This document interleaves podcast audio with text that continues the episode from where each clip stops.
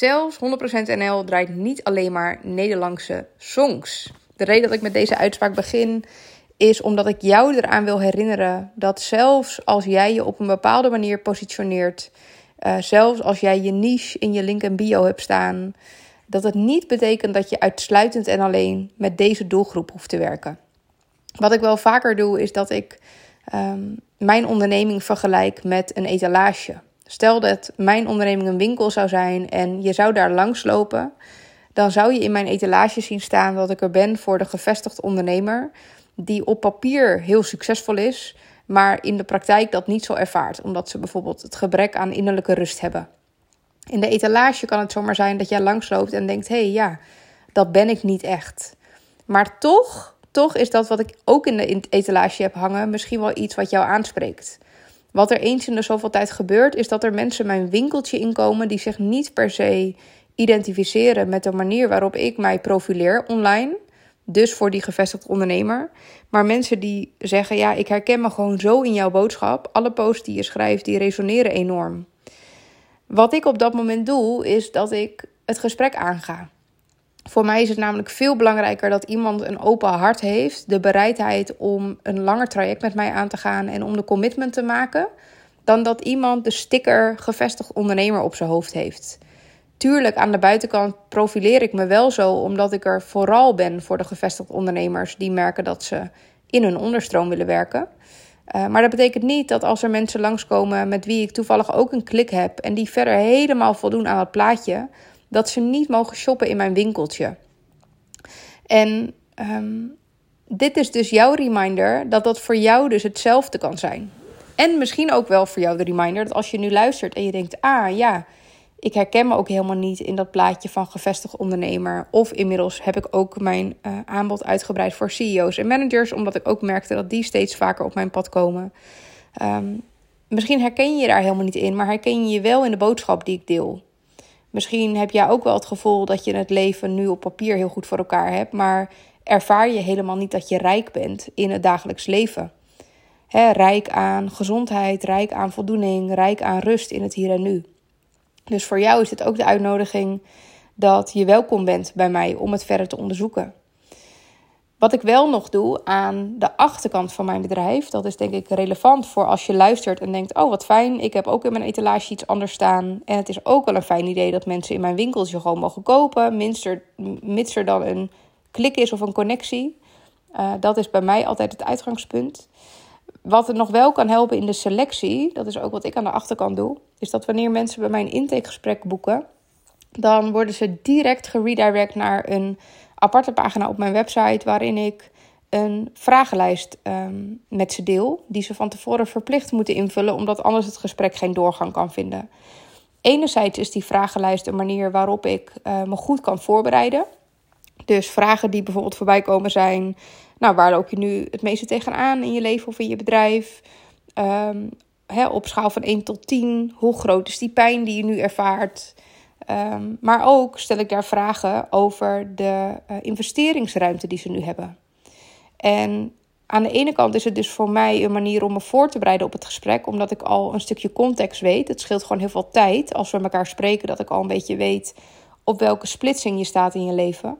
Maar aan de andere kant is het ook heel relevant in de selectie dat ik met de mensen aan tafel zit waarvan ik weet dat ze nou klaar zijn voor bijvoorbeeld een investering met mij. Het heeft namelijk niet heel veel zin, net als voor jou, hè? dat is voor jou ook een uitnodiging, om in gesprek te gaan met mensen waarvan je op dat moment eigenlijk van tevoren al had kunnen achterhalen dat ze op dit moment bijvoorbeeld de investeringsruimte of de tijd niet hebben om met jou te werken. En uh, er is niks zo vervelend als dat je een fantastische matchcall hebt gehad. Dat je allebei een ja voelt. Dat iemand helemaal verkocht is op jouw aanbod. En dat je vervolgens je prijs moet noemen en dat iemand zegt: Ja, oh nee, dat uh, heb ik niet.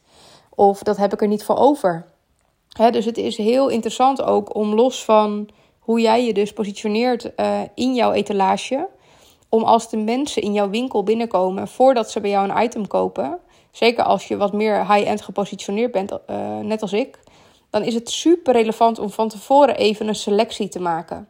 Dit is voor beide partijen. Hè? Voor jou scheelt het heel veel in de tijd. Om te voorkomen dat je de hele week alleen maar matchcalls hebt met mensen die Ehm, nou, die bijvoorbeeld de investering niet kunnen dragen of de commitment niet aan willen gaan, maar op zoek zijn naar bijvoorbeeld een losse sessie. Ehm, en aan de andere kant is het ook voor de persoon zelf uh, zonde van zijn of haar tijd wanneer ze met jou in gesprek gaan, helemaal verkocht zijn op je aanbod en dan vervolgens eigenlijk de ruimte niet hebben uh, om bij je in te stappen. Um, dus dit zou ik je sowieso adviseren om te doen. Sowieso een matchcall van tevoren voordat je met iemand gaat werken, maar ook dus die selectie. Die helpt gewoon enorm. En voor mij betekent dat ook dat ik hem continu ook aan het aanscherpen ben. Um, ik merk dat deze podcast steeds meer uh, nu richting um, het stukje gaat over hoe het bij mij achter de schermen eraan toe gaat. Maar misschien is dat ook wel leuk om met je te delen. De laatste paar maanden ben ik echt weer bezig geweest met het aanscherpen van die vragenlijst bijvoorbeeld. Omdat ik merkte dat ik toch uh, op een of andere manier door mijn publicatie in verschillende nou, podcasts ben ik verschenen. Um, ik heb een column geschreven in Wilde Vrouw magazine. Um, ik ben op andere platforms ben ik, uh, zichtbaarder geworden. Op LinkedIn ben ik veel meer aan het posten. En de beweging die ik toen zag ontstaan is dat er mensen mij steeds meer weten te vinden die eigenlijk geen historie hebben met mij. Dus dat betekent dat ze vaak een post hadden gelezen bijvoorbeeld of een podcast hadden gehoord zonder de context te weten van wat ik eigenlijk aanbied. Ze gingen heel erg aan op een sketch die ik bijvoorbeeld daar deelde, of een casus die ik inbracht, of een visie die ik deelde. Vanuit daar ontstond bij hun een gevoel van: oh, ik wil wel met Babette werken. En wat er toen gebeurde is dat ze een intake boekten bij mij. Nog voordat ze überhaupt een blik hadden geworpen op mijn website. En je kan je voorstellen dat als iemand op deze manier binnenkomt, dat het en heel fijn is. Hè? Dat is ook het voordeel van zichtbaarder zijn. Uh, maar tegelijkertijd um, mist diegene wel een heel stuk um, nou, context over hoe ik werk en waarom ik werk hoe ik werk. Zoals je weet, als je luistert, uh, werk ik minimaal zes maanden met iemand om de transformatie te kunnen faciliteren. Ik geloof niet in losse sessies, ik geloof in de kracht van integratie. En het feit is dat werken op jouw onderstroom, het doen van opstellingen, heeft ontzettend veel integratietijd nodig. En de enige manier om dat in jouw systeem echt verweven te krijgen, is door minimaal zes maanden met elkaar op te trekken, nog het liefst twaalf. Wanneer iemand dan een artikel van mij heeft gelezen of een podcast heeft gehoord en die gaat vooral aan op de inhoud van wat ik zeg en ze boeken een intake, dan helpt dus mijn vragenlijst ook om iemand ervan bewust te maken uh, hoe ik werk. Dus er staat bijvoorbeeld letterlijk in mijn vragenlijst vanaf welk bedrag mijn trajecten beginnen. Met de vraag ook: voel je een ja in het matchgesprek met Babette? Uh, voel je een ja op het aanbod? Heb je dan nu, los van dat je de bereidheid hebt, ook de mogelijkheid om de investering te maken? Dit helpt heel erg om dit dus scherp te hebben. Ik had dit de afgelopen anderhalf jaar niet zo heel scherp in de vragenlijst. Dus ik stelde wel een vraag van wat is je investeringsruimte en klopt het dat je bereid bent om de commitment aan te gaan voor, voor uh, in ieder geval vier maanden. Uh, die vragen stonden er al wel in. Maar ik merk nu dat nu ik op meerdere platforms zichtbaar ben en mensen dus eigenlijk, nou, eigenlijk als een soort koude klant heel snel warm zijn geworden door een post of een uh, podcast van mij. En dus daarmee een stukje context missen.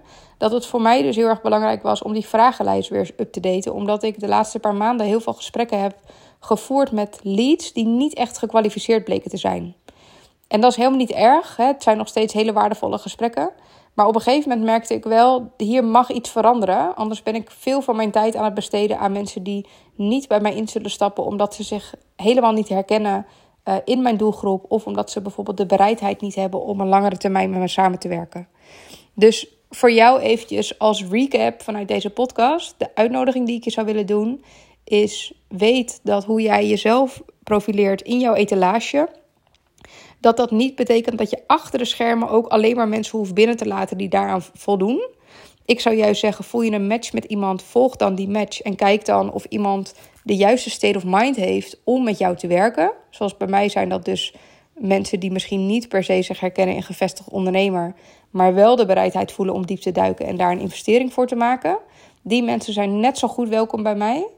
Um, zorg dat je de selectie uh, op orde hebt vooraf. En dat is dus heel simpel te doen met een vragenlijst zoals ik dat gedaan heb. Of bijvoorbeeld een van je teamleden, als je die hebt, even te laten bellen. Om van tevoren een inventarisatie te maken over waar iemand staat. Zo zorg je dat wanneer je met iemand om tafel zit, dat het ook echt um, nou, dat het een gekwalificeerde lead is. En dat jullie allebei niet je tijd aan het verdoen uh, zijn. Dat is belangrijk. Um, en blijf ontwikkelen. Dus het kan best zijn, net zoals dat ik dat had, dat een vragenlijst heel goed werkt, tot die niet meer zo goed werkt. En dan mag je dus onderzoeken wat is hier nodig uh, om dat alsnog aan te passen. Een van de andere dingen die ik onlangs bij heb gezet in mijn vragenlijst, misschien nog leuk om met je te delen, is dat ik uh, merkte dat uh, omdat mijn beschikbaarheid vrij minimaal is, ik werk ongeveer 24 uur per week, maximaal 30, uh, staat mijn agenda dus ook beperkt open voor intakes. En daar kan je als, als zeg maar ondernemer van alles van vinden. Het is misschien niet heel slim dat ik niet heel goed beschikbaar ben. Dat stel dat jij nu een gesprek met mij wil, kan het zijn dat ik pas over een week plek heb. Um, dat kan ook echt zeker zijn nadelen hebben. Dat heb ik ook gemerkt. Uh, het is nou eenmaal lekkerder wanneer iemand in de energie zit van... hé, hey, ik wil een gesprek met Babette. Dat ze gelijk diezelfde dag of misschien de dag daarna al um, terecht kunnen. Bij mij is dat vaak niet zo vanwege de tijd en hoe ik hem besteed. En dus de afspraken die ik al ingepland heb. En wat ik merkte als ontwikkeling was dat um, veel ondernemers die met mij een intake inplanden die plannen hem dan bijvoorbeeld in voor over een week of over twee, of soms zelfs over een maand. En een van de dingen die ik zie gebeuren is wanneer mensen bij mij een gesprek inplannen, dan komt er altijd, um, dat is niet te voorkomen, er komt een proces op gang. Uh, dat is onbewust. Dat gebeurt ook in de onderstroom. Soms gaan mensen in de bovenstroom al denken van... oh, uh, kijk eens naar wat ik nu in mijn gedrag doe. Oh, dit kan misschien wel relevant zijn als ik met Babette bel. Zoiets gebeurt er ook zeker. Maar er gebeurt ook van alles in de onderstroom. Er gaat van alles verschuiven. Patronen en groeven komen dan al aan het licht. En wat ik heel vaak zag gebeuren is dat wanneer iemand een intake boekte, dat het twee of drie weken later uh, al niet meer eens relevant voelde. En dat kan natuurlijk altijd, hè? dat er een wisseling gebeurt ergens in je leven, waardoor je merkt: oh ja, het voelt nu niet meer zo urgent. Of um, ik heb nu een andere investering gedaan, dus ik voel de ruimte niet. Maar heel vaak gaat die tijd die daartussen zit, tussen het inplannen en het daadwerkelijk plaatsvinden van die intake, gaat ook over um, nou, oude patronen en copingmechanismes die de kans krijgen dan om de kop op te steken.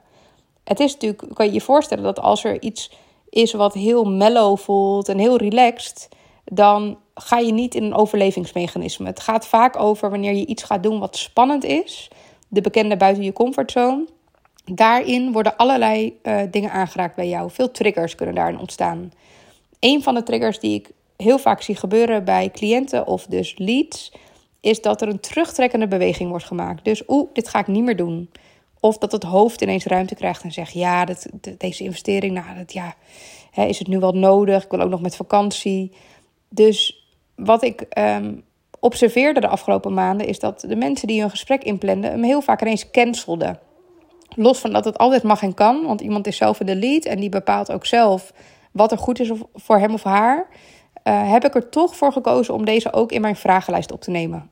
dus er staat nu ook een kopje in met: heb jij je intake gepland? Duurt die nog een paar weken?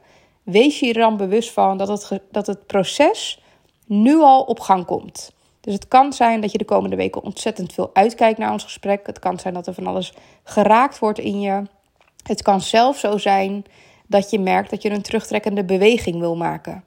En de uitnodiging die ik je wil doen is om het gesprek te laten staan en om op dat moment deel te nemen aan het gesprek met alles wat er is. Zelfs al is die terugtrekkende beweging er nog, is ook helemaal welkom.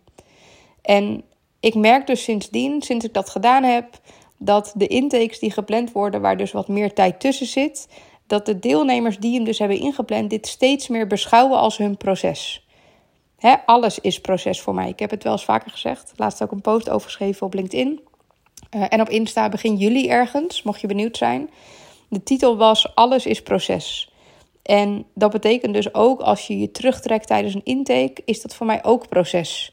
Als je in mijn traject zit en je maakt daar een terugtrekkende beweging of je gaat juist heel hard werken, dan is dat voor mij ook proces. Want dan vraag ik me af, waar werk je nog meer zo hard in je leven? of wil je je terugtrekken bij een intake? Waar trek jij je nog meer terug in het leven wanneer het moeilijk wordt? Of uitdagend of spannend? Dus voor mij als coach en opsteller kijk ik naar jou en gelijk naar je onderstroom. Ik zal dus nooit zeggen: hey, je moet die intake laten doorgaan. Ik zal zeggen: wat maakt dat je nu een terugtrekkende beweging maakt en herken je die? Dus het gaat voor mij niet over het hier en nu en over bovenstroom, maar echt over wat gebeurt er nu in jou.